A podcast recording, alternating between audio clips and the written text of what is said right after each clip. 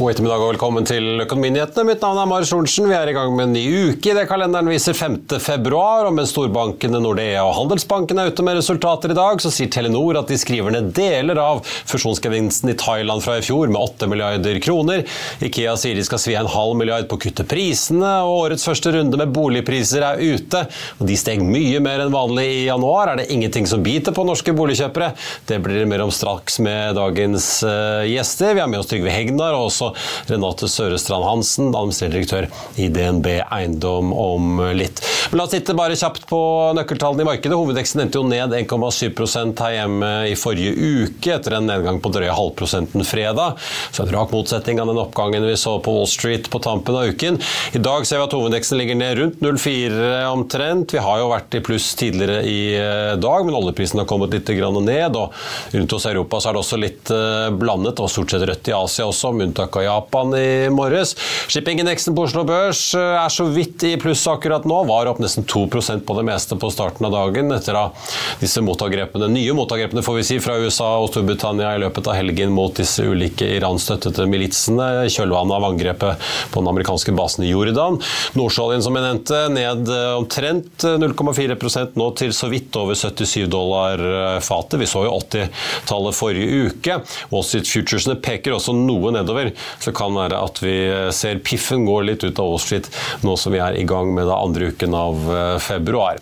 Anleggsutstyrsgiganten Caterpillar er ute med tall, overgikk forventningene med klar margin der i fjerde kvartal. Et justert resultat på 5 dollar og 23 cent aksjen mot et ventet resultat på 4,75. Omsetningen på 17,1 milliarder dollar. Den endte som ventet, og selskapet satte også omsetningsrekord da i fjor. Mange følger jo med på den, nettopp fordi de leverer mye anleggsutstyr inn til viktige næringer. Dagens uh, foreløpig nest mest omsatte aksje er Jon Fredriksens tankreder i Frontline. Tradewinds melder at selskapet nå selger sin eldste Suezmax Front Odin til greske Mondrias, og at prislappen skal være et sted rundt 46 millioner dollar. Den aksjen tikker oppover uh, omtrent 0,9% i dag, og ligger da rett bak Equinor på omsetningstoppen. Så har vi oppdrettsselskapet Proximar, da, som driver på land i Japan. De hadde en lekkasje i løpet av helgen. Meldte om det i en børsmelding i morges, og sier også at de anslår et tap på rundt 50 000 fisk som følge av lekkasjen. Aksjen har vært mye ned, har hentet seg noe inn og ligger ned drøye halvprosenten. Og så nevnte jeg jo Ikea, for vi følger jo med på varehandelen om dagen da. Det er ikke lenge siden vi fikk et resultatvarsel fra elektroimportøren som er i forhandlinger med banken sin. Europris, Europris var med oss her i forrige uke og sa at han tror norske forbrukere vil ha det tøft i hele 2024. og I dag kom Ikea som en nyhet. Det er ikke lenge siden de annonserte en liten nedbemanning og omorganisering i Norge, og nå skjer det mer, for ifølge Ikea Norge-sjef Karl Aaby så skal de altså nå investere, som de kaller det, en halv milliard i priskutt. De skriver at de i desember da satte ned prisene på 800 produkter og kuttet pølseprisen i januar. og Nå kommer det altså priskutt på 2000 nye produkter, ifølge møbelkjeden. Så det virker jo da som man responderer på litt mer prissensitive kunder. Da skal vi snakke boligpriser, for de steg altså 3,4% i januar, eller 0,7 da hvis man sesongjusterer de. Og i det siste tiåret så er det bare i 2022 man har hatt en sterkere januar måned, ifølge Eiendom Norge, som la frem tallene i dag. Og for å diskutere hva som skjer i dette viktige boligmarkedet, i hvert fall for oss nordmenn, har vi fått med oss eh, Trygve Hegnar og Renate Sørstrand Hansen i DNB Eiendom. Velkommen med oss fra Bergen. Takk. Jeg vet ikke hvem av dere som var mest opptatt eller overrasket over disse tallene. Skal vi begynne med deg, Renate i Bergen. Eh, hva tenker du? Dette var jo godt over estimatet også DNB Markets sine kollegaer i meglerhuset hadde i forkant av tallslippet? Sjøl hadde vi jo hatt en forventning om en nominell da, prisvekst på 2,5% så det gikk jo faktisk over det, selv om vi syns til tider at vi var de mest optimistiske. Eh, så det har vært, eh, det har vært en eh, sterkere januar enn det vi hadde forventet, altså. Men det er klart at med utsiktene til at rentetoppen er nådd, og det man har stått seg gjennom de to siste årene også i boligmarkedet, så tegner dette veldig godt. Og Vi ser også at det er byene som har drevet liksom, veksten frem, da, men også noe veldig gledelig så ser vi at noen av disse omliggende områdene som har hatt et tydeligere liksom, fall gjennom fjoråret, de har tatt seg godt opp igjen nå i januar. Hvor, hvor, lenge, altså, En ting er å se på enkeltmåter som går uh, bra, da, men hva må du se før du føler du er trygg på at uh, boligmarkedet faktisk begynner å komme seg etter at det har virket som en del har sittet på gjerdet? Vi hadde jo en sterk boligvår i fjor. Mye nok preget av og drevet av rett og slett lettelsen i utlånsforskriften. Og så hadde vi en mye tyngre bolighøst gjennom fjoråret, der vi så også denne tydelige todelingen. da, By versus liksom distriktene ble liksom sterkere og sterkere. Og var egentlig veldig spente siden vi fikk en renteheving til i slutten av desember på om vi kom til å si at liksom, nå, nå kommer det til å bli ganske treig vår. da. Men det har jo vist seg at, og vi tror da pga. nettopp det at man har stått seg så godt gjennom disse to årene, fra null rente, 14 rentehevinger, til en rente på 4,5, høy inflasjon, og boligmarkedet har hatt omtrent tilsvarende omsetninger som i normalår, så tror vi også at når optimismen er tilbake, så tror vi at eh, vi kommer til å få en fin eh, prisvekst gjennom året i år, altså. Trygve, vi vet jo at nyboligbyggingen den har bråbremset. Eh, hva tror du Ida Wolden Bakke og Norges Bank tenker når de ser at norske boligkjøpere tydeligvis er villige til å bla opp? Ja, jeg er ikke helt sikker hva de tenker, men det, det, som er klart er at boligprisene normalt stiger ganske kraftig i januar. Så det er liksom at vi har en sterk prisvekst, det er ikke uvanlig. Den er litt sterkere enn vanlig. Det er på en måte det man kan tenke over. Liksom, hva betyr da 0,4 prosentpoeng i forhold til hva det kunne vært eller ville vært? Eller 0,7 eh, poeng, det er jeg ikke helt sikker på. Men det kan tenkes at for det første det er to ting. Det ene er at eh, husholdningene klarer da denne renteøkningen de har fått bedre enn man kunne forvente. At de har mer sparemidler og liksom legger liksom mer penger i potten og, la, og, og, tenker at dette går over, at rentene skal ned. Litt senere ned enn man, enn man, trodde. Men jeg har en annen teori som jeg tror kanskje er litt bedre. altså Hvorfor ble det så, såpass sterkt som det er? da? Ikke veldig sterkt, som du sa, men såpass sterkt som det er. Og det er kanskje det at nybolingsmarkedet er borte. Altså Det er borte ingen som tør kjøpe ny bolig i det hele tatt. Ingen som setter i gang noe som helst. Det er nedgang på 30-40-50% Og entreprenørene ligger veldig dårlig an. De som skal bygge, har ikke noe å gjøre, og arkitektene har ikke noe å gjøre. og Det er, helt tatt, det er stillstand i nyboligmarkedet. Og det kan jo ha ført til at folk flytter over på bruksboligmarkedet. slik at etterspørselen der er større enn man kanskje kunne forvente. Og så har det vært litt, sånn, litt mangel på tilgang på den siden, så tilbudssiden er litt innsnevret. Og så kommer det en økende etterspørsel fordi man da flytter etterspørselen fra nytt til gammelt. Kanskje. Det kan være noe av forklaringen. Renate, dere har jo tilgang på mye data. Dere er jo en stor nasjonal kjede, selvfølgelig en del av DNB-systemet. Så dere sitter jo på mye egeninnsikt i tillegg til de tallene vi får fra Eiendom Norge. Da. Hvordan ser du selv på den dynamikken mellom hva vi ser, og det hører vi jo fra altså entreprenører eh, og ulike bygg- og anleggsbedrifter og arkitektkontorer og det som er, inn i byggmarkedet versus bruktboligmarkedet? Det er jo helt riktig som det er påpekt her da, at det er jo et underskudd av nye boliger. Eh, og at det er på en måte med på å drive prisen allerede fra i år, ja, men vil være mye sterkere i 2025 og i 2026. Da vil vi se at bruktboligprisene vil på en måte kunne stige kraftig som følge av den eh, boligmangel som det faktisk er. og Spesielt i Oslo, men også de andre større byene. Så mm, det er en, eh, det er en kjempeutfordring, også gitt at vi ser nå at det er mange som gir seg i bransjen. Så vi mangler på en måte også kompetanse etter hvert innen feltet. Jeg så jo de siste tolv månedene, da kan man jo måle dette på litt ulike måter, men altså de siste tolv månedene så er prisoppgangen nasjonalt nå 1,4% Den byen som har høyest nominell vekst, er Stavanger med 5 eh, Så det har jo begynt å komme seg i Rogaland og oljefylket igjen eh, ettersom ting har hentet seg inn igjen der, men likevel. Måler du det opp mot inflasjonen, så er jo boligprisen reelt sett ned. Da. Så folk har jo sånn sett eh, bedre råd enn det de hadde. Er det en mulig forklaringsfaktor her òg? Ja, det er helt riktig. og Det er noe som kanskje ikke har fått like mye plass. da. Eh, og også i år er jo på en måte utsiktene til at det skal være et godt lønnsoppgjør til stede. Så det er klart det kan, det kan påvirke noe. Men jeg syns også det peker på hvor sterk den norske på en måte boligmodellen står seg. da. Eh, når du ser på antall omsetninger i markedet også gjennom 2023, og hvis du ser på en måte eh, årene før det. da. Og Det tenker jeg også er en modell som vi skal prøve å verne om. At nordmenn verdsetter har sin egen bolig. At de fleste boligbyttene kommer som følge av reelle behov. da. Folk går fra hverandre, folk flytter sammen osv. Ja, for Trygve, jeg så det, altså, Antallet boliger lagt ut for salg den er ned nesten 6 da, men antallet solgt er bare ned litt over 2 eh, så volumet virker jo å tikke og gå her. Ja, det tikker og går, men eh, jeg er enig med Renate i en ting, og det er at de har skrevet det mange ganger, at de, hvis man ser ett til to år frem i tid, Altså Hvis det er liksom så laber byggeaktivitet som vi har nå, og har det kanskje ut hele 24 og inn i 25, så er det åpenbart at vi kommer til å få et kjempeprisopp i 25-26. Da kan vi risikere at vi får prisopp på 15-20-25 Det hadde vi for en del år tilbake. Uh, og Det kan komme igjen. Og det kan si at er det galt? Nei, det er ikke galt. for at Hvis vi får den prisoppgangen, så vil entreprenørene satse enda mer penger på å bygge enda mer, slik at liksom tilbudssiden da vil da øke. Ganske sikkert. Så En veldig sterk prisvekst vil få tilbudssiden i gang igjen, ganske skikkelig. Og kanskje de som da på en måte er i ferd med å gå over ende, kanskje de overlever allikevel. at det er bra. Så det er mange som sier at, liksom, at prisvekst på 20% eller 15% et år ikke er bra. Jeg syns det er bra, for at man glemmer hvilken effekt det har på tilbudssiden. Og så vil da en del av etterspørselen falle bort, og det må, må den gjøre. og da vil kanskje de, de, som da trodde de skulle bo i Oslo, i Oslo sentrum, de må kanskje bo på Lier eller Jessheim eller Lillestrøm eller hvor det måtte være. Og sånn skal det også være. Det er også bra.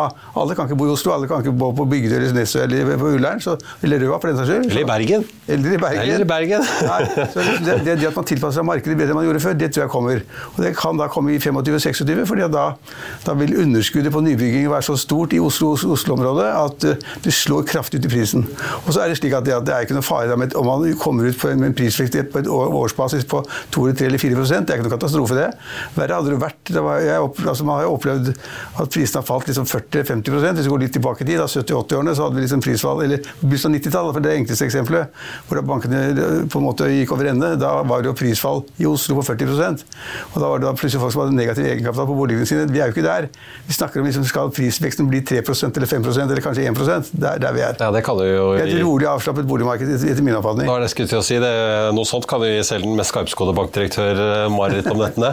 Men eh, Renate, litt apropos det. Privatpersoner kan jo, hvis de ser at, eller tenker at oh, nå har vi rentetoppen her, det blir i hvert fall ikke verre, så kan man jo snu seg rundt ganske fort og begynne å enten legge ut bolig for salg eller kjøpe bolig. Men for disse boligbyggerne så tar det vel mye lengre tid enn det å faktisk snu seg rundt og tørre å satse, kanskje få banken med på å finansiere et nytt prosjekt eller obligasjonsmarked eller andre kilder. Hvor lang tid tror du det kan ta deg før eventuelt eh, byggemarkedet begynner å vise tegn til å komme seg igjen? Vi frykter at det vil ta litt tid, da. Eh, nettopp fordi at underskuddet av boliger har vært eh, allerede, og spesielt i Oslo så har det vart i hvert fall i to år allerede. Eh, og Det ser vi tar tid å regulere. og det tar, så her er mye, mye som politikerne må inn og hjelpe med også. da. Og så tipper jeg at finansinstitusjonene er der og ønsker å støtte de som ønsker å bygge. Og så må vi også bygge riktig. Det er også et poeng. da. Man må bygge liksom tilpasset også i storbyene, da, disse ens, altså enpersonsfamiliene, sånn at det er mulig å komme seg inn på bolig boligmarkedet. Det er en del store eh, entreprenører da, som er liksom aktører i markedet. Ja. Sånn som Obos de sitter klare med masse planer. De har en hel skuff full med masse planer som de har lagt, lagt på is en stund.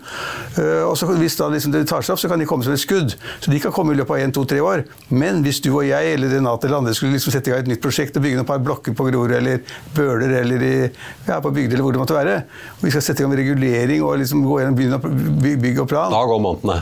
Ikke måneden, Marius. Det går år, kanskje. ja. Det tar det kanskje ti år, da. ikke sant? Ja. Så Begynner vi på scratch på Økeren, så har vi ti år foran oss. Overtar vi noen andre prosjekter, så har vi kanskje ett eller to eller tre år foran oss. Så det er en, ubalanse her som vil vare ganske lenge. Det er helt sikkert. Renate, si litt om uh, hva vi kan forvente, og hva du tror er dynamikken fremover nå utover våren. Da, Man har jo tradisjonsrike vårslippet hvor det pleier å komme mye. Det er vel etter påske en gang. Uh, men hva tror du vil skje nå utover måneden, og hva er det viktig å følge med på um, i statistikken fremover? Jeg tror at optimismen som vi så nå i januar, da, eh, kommer til å vedvare. Eh, rett Og slett, og at vi kommer til å få en eh, veldig fin og egentlig ganske velfungerende bolig i vår. Og det samme faktisk med høsten. Så totalt sett for året så ser vi for oss at vi får en ganske fin boligprisvekst. Da. Blir ikke overrasket om det blir over 5 så det er mye som, mye som, mange sunnhetstegn her nå, da, og masse også som kan gi den optimismen med at man vet nå som husholdning da, hva man skal forholde seg til av både renteutgifter eh, osv. Så, videre. så vi ser for oss at dette kommer til å være en vedvarende optimisme. Og så klart nå etter hvert eh, som våren går, så kommer jo flere hus og hus med fine hager og sånt eh, til å komme ut for salg også. der. Ja. Marius, bare å kommentere litt, altså det som er litt morsomt. Det jeg syns er morsomt, mange, mange, mange andre syns det ikke er morsomt. Men vi også ser da nå en pengerikelighet blant folk. Vi vet at den er der. altså Vi vet vi har 400-listen vår i kapital osv. Det er en pengerikelighet i markedet eh, som man kanskje ikke trodde om. Man, man, har kanskje trodd at alle rike har flyttet til Sveits. Det har de ikke gjort. Eh, og i dag kom det meldingen i Finansavisen da, om at liksom en bolig oppe i Holmenkollen var solgt for 110 millioner kroner. Ja, ok, 110 millioner. I min tid eller ungdom så var det veldig mye penger. Fortsatt veldig mye penger. Og det er ikke mer enn et par måneder siden da en bolig på, på, på Bygdøy på Snarøya ble solgt for 585 millioner kroner. 585 millioner kroner for et hus på Bygdøy. Altså, det er ikke til å tro. slik at liksom, Boligmarkedet er Vi har pengerikelighet i Norge. Sannsynligvis, som Renate var inne på, altså, jeg tror at altså, lønnsveksten i år vil bli ganske høy. Vil kanskje bli 4-5-6% Det er veldig høyt historisk sett. Fordi at eh, man skal ta igjen de etterslippene man har, og bla, bla, bla. Så man skal ha en reallønnsvekst som er liksom klart synbar. Så hvis, hvis, nå folk tenker at de får en ganske klar lønnsvekst, og at rentene begynner å falle, det tviler jo jeg på. da, Jeg litt, henger litt igjen der. Jeg tror ikke det er så lett å få det til å falle. At kanskje Norges Bank holder igjen enda mer enn man tror. Men alt det i sum er ganske godt for boligmarkedet og for den alminnelige husholdning. De som ikke er så rike, som har litt penger litt spart opp osv., som da på en måte legger på alt i potten med boliger, bolig, de vil gjøre det nå, tipper jeg.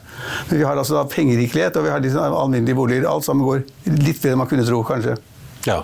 Og så hjelper, og så hjelper det, og selv om Norges Bank kanskje holder igjen, det hjelper jo bare å se rentetoppen. da, i hvert fall. Det, det, er jo viktig å vite at det ikke blir verre. Så får vi se.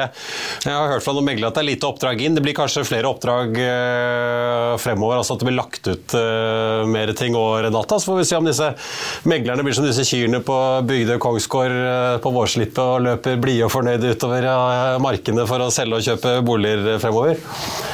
Og tror jeg også det et poeng til det, er jo det at vi gikk jo inn i dette året med et veldig høyt antall usolgte boliger. Det ser vi begynner å synke nå. da, så jeg tenker at Det er ingenting som virker unormalt med at det ikke er liksom lagt ut flere, for det lå allerede veldig mange. Og vi ser at mange av de boligene som er lagt ut lenge, de omsettes nå. Så det er positivt.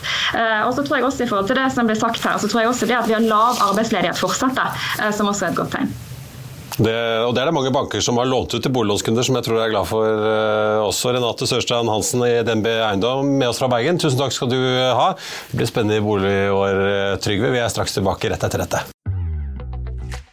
Vil du bli oppdatert på det viktigste som har skjedd innen finans og næringsliv? Da er det bare å følge med, for hver morgen er jeg, Marius Lorentzen og aksjekommentator Karl Johan Malnes på plass i studio for å ta tempen på dagens marked i Børsmorgen. Og hver ettermiddag oppsummerer vi alt du trenger å vite i økonominyhetene, og det blir selvfølgelig masse interessante gjester. Klikk deg inn på fa.no-tv, eller søk opp Børsmorgen og Økonominyhetene der du hører på podkast.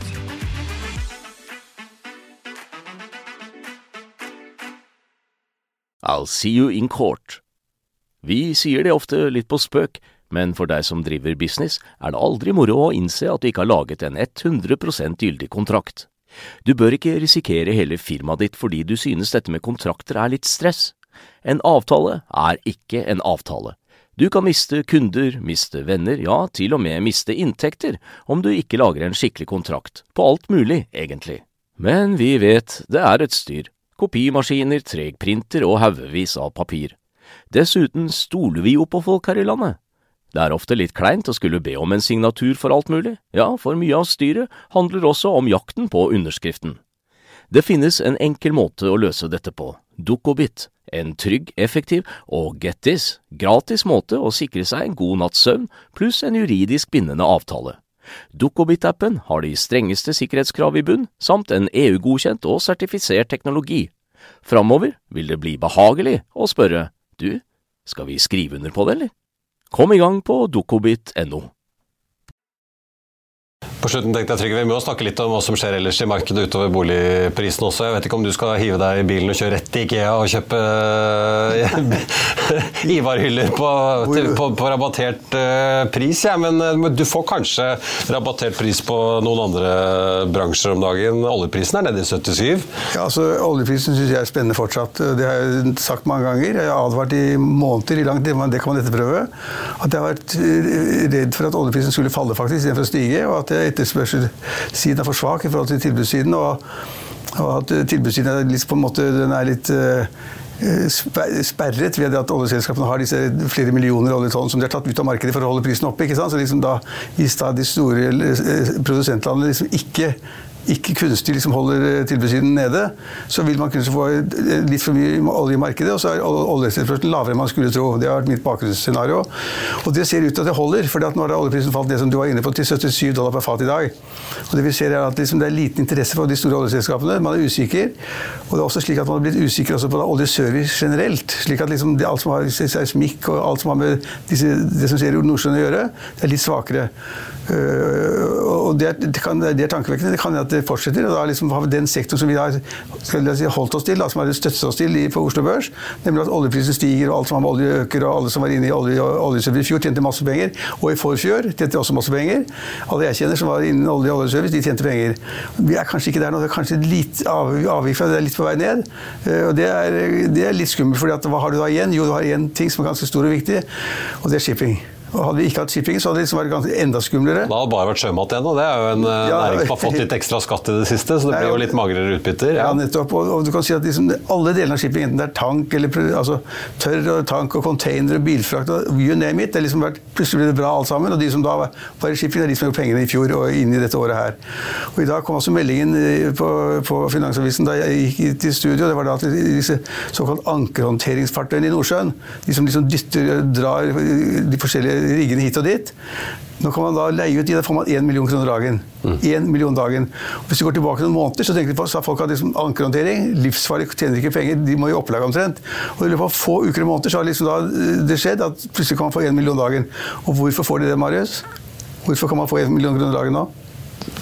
Nei, du har ikke tenkt på det? Nei, Kanskje alle disse utbyggingsprosjektene trenger nei, disse riggene? Nei, nei, nei, poenget, er, av, av og til så er sammenhengen mye enklere enn det, tror jeg. da. Ja. Det at alt det som har skjedd på kysten med været Det har vært så jævlig vær på Østlandet og i Nord-Norge. Ja, så de skal fortøyes ekstra opp? De skal fortøyes opp og ned og flyttes, ja. og Det har ikke vært mulig å flytte dem. ikke sant? Og da skal man flytte som barakkeren og ligger etter programmet. Og man få inn da ankerhåndteringsfartøy som barakkeren og betale prisen.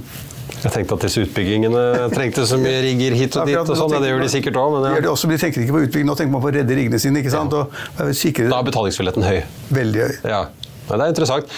Altså, hele denne kuttet som uh, Saudi-Arabia tok uh, her om dagen nå, hvor de altså ikke skal øke produksjonen like mye, eller kapasiteten sin er like mye som uh, planlagt, var jo et slag ordentlig under beltestedet for Subsea ja. 7, Shelf Drilling, Boy Drilling.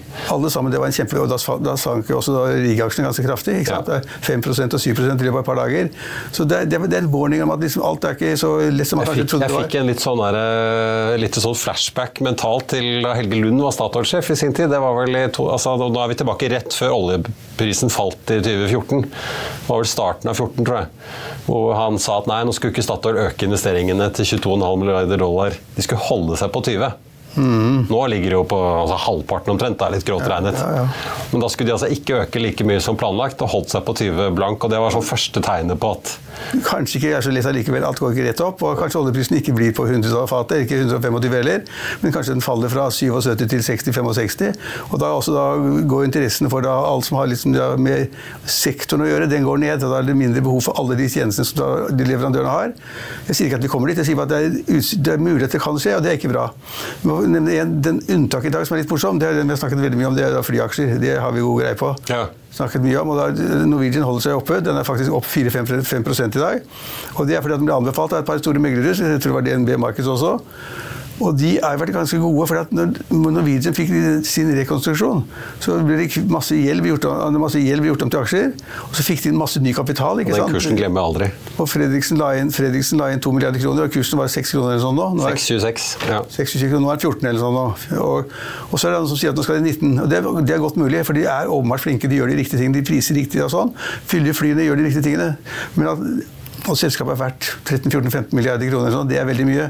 Men At den skal liksom bare gå og gå, det tror jeg ikke noe på. Men jeg har sett et unntak fra, andre, fra mange andre ting. At liksom, de får refinansiert det på en fornuftig måte. Det er ingen som klager, ingen som bråker. Og så prøver de å gjøre de riktige tingene på driftssiden. Og så får de, hvis vi tipper rett, så tipper de at de kanskje i fjor fikk et resultat på 3 milliarder kroner, 2 eller 3 milliarder kroner. Det er imponerende. Og kanskje øker de i år. Men det er ikke, det er ikke slik at den går rett til himmels. Det er ikke fordi det går til himmels. Men så lett er det ikke. Men det er et lite unntak akkurat nå, at gode mennesker gjør en god jobb jobb, og jeg har refinansiert ganske godt. Og de driver godt? De driver godt og Det skal de ha, det hører vi fra, det ser vi i trafikktallene, men du hører det fra folk òg, at eh, det går stort sett i rute og ting er på stell. Ja. I motsetning, får vi si, eh, til eh, våre venner i SAS, som vi ser sliter og har veldig høye kostnader. Og man hører også at det er pilotmangel, de mangler fly. det er liksom, Operasjonen fungerer ikke optimalt, og da ser du på en måte hvordan det, det blir veldig brutalt i regnskapet. Ja, og det er en veldig morsom kommentar. Og så kommer jo finansutgiftene på ja, toppen. det er en veldig morsom kommentar, for I dag går det rykter om at, at SAS skal tvinge staten til å bli aksjonær igjen. Ja, Ved å konvertere gjeld, ja. Ja, whatever, altså, men når de endelig kom seg ut ikke sant? De holdt på i mange år, de burde vært ute, kom seg endelig ut til slutt, og så tegnet de ikke den siste tegningen. Og skal de da inn igjen, da? Liksom, skal de lure staten inn? Det blir kortvarig, tror jeg. Staten har mye penger. De skal jo ikke inn igjen. De taper jo, de taper jo skjorta. ikke sant? De taper milliarder på milliarder. Måned etter måned, kvartal etter kvartal. Så Skal de lure staten inn igjen som aksjonær? Da vil staten bli gissel, da. Da er det bare å sende en melding til staten at nå trenger vi 3 milliarder eller 5 milliarder, og kommer pengene.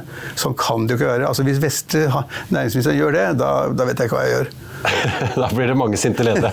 Nei, altså Den eller de som besluttet at norske staten skulle selge seg ut i sin tid, sett i etterpåklokskapens lys, gjorde jo en veldig god beslutning. fordi at de pengene hadde vært helt tapt uten diskusjon i dag. De kunne gjort det for flere år før. Det kunne man, men uh, vi skattebetalerne ble spart for mange hundre millioner, om ikke milliarder i tap der. altså. Ja. Ja, så får vi se da om staten blir tvangskonvertert inn til aksjonær, men de blir nok neppe sittende lenge. De bør ikke sitte at det. Budskapet fra Kongens gate til Næringsdepartementet var ganske tydelig, så får vi se.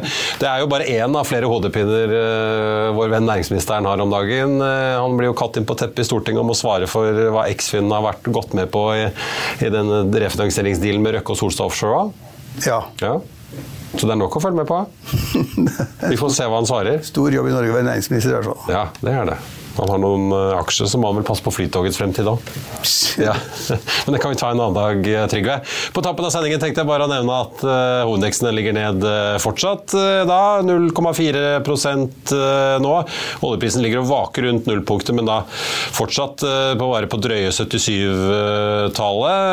Aksjer som er verdt ellers så Eh, bare merke seg, Telenor ligger ned 1,2% i dag, melder da om en nedskrivning på 8 milliarder i Thailand grunnet kursfallet i dette fusjonerte True Corporation eh, som de slo sammen da sitt eget selskap med, med dette lokale selskapet i eh, fjor. De bokførte da 18,5 milliarder i gevinst den gangen, altså at netto nå er jo fortsatt nesten på 10 milliarder. Edda Wind som melder om problemer med gangbroer på disse havvindservice-skipene sine og må begynne å ta skip ut av trafikk for å komme seg inn til service på verft, ligger ned 2,5 Bonheur ned 1, nesten 7% nå. Vi nevnte jo denne Bloomberg-avsløringen som kom i helgen, om at Fedorsen Fred Olsen Energy Renewables bl.a., blant annet, sammen med franske EDF da, har vært blant de vindparkene som skal ha overrapportert hvor mye kraft de kunne produsere, og dermed fått for mye penger uh, utbetalt da, for å ikke produsere på vindfulle dager av britiske myndigheter. En svært interessant sak for øvrig, som vi da diskuterte litt i Børsmorgen i morges. I Finansavisen i morgen kan du lese Trygve Hegnars leder om lønnsoppgjøret og om det blir ellevilt. Du kan lese om at finansministeren da må svare Stortinget om eh, hvordan Eksfin har opptrådt overfor Kjell Inge Røkke i denne refinansieringen i Solstad. Så blir det mer om hvordan Nordea tar markedsandeler, og hvorfor det med Markets altså oppjusterer kursmålet i Norwegian. Denne gangen da til 17 kroner, som vi nevnte. Jon Fredriksen kjøpte seg inn på 6,26 i kriseåret 2021. Det var det vi hadde for deg her i dag, men husk at vi er tilbake igjen med Børsmorgen 08.55 i morgen, da fra Bergen, der Karl Johan og jeg skal delta på den store vestlandskonferansen i Grieghallen. I mellomtiden så får du som alltid siste nytt på FA Eiendom. Mitt navn er Marius Thorensen. Tusen takk for at du så eller hørte på. Så håper jeg vi ses igjen i morgen.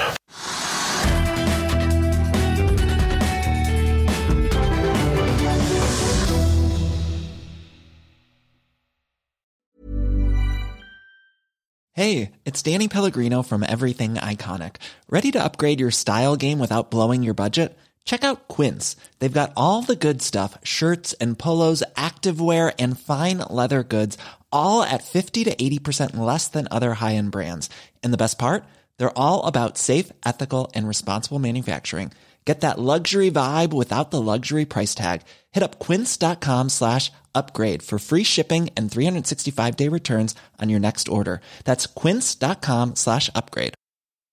When you drive a vehicle so reliable it's backed by a 10 year, 100,000 mile limited warranty, you stop thinking about what you can't do and start doing what you never thought possible. Visit your local Kia dealer today to see what you're capable of in a vehicle that inspires confidence around every corner. Kia, movement that inspires. Call 800 333 4KIA for details. Always drive safely. Limited inventory available. Warranties include 10 year 100,000 mile powertrain and 5 year 60,000 mile basic. Warranties are limited. See retailer for details. Økonominyhetene er en podkast fra Finansavisen. Programledere er Marius Lorentzen, Stein Ove Haugen og Benedikte Storm Bamvik. Produsenter er Lars Brenden Skram og Bashar Johar. Og ansvarlig redaktør er Trygve Hegnar.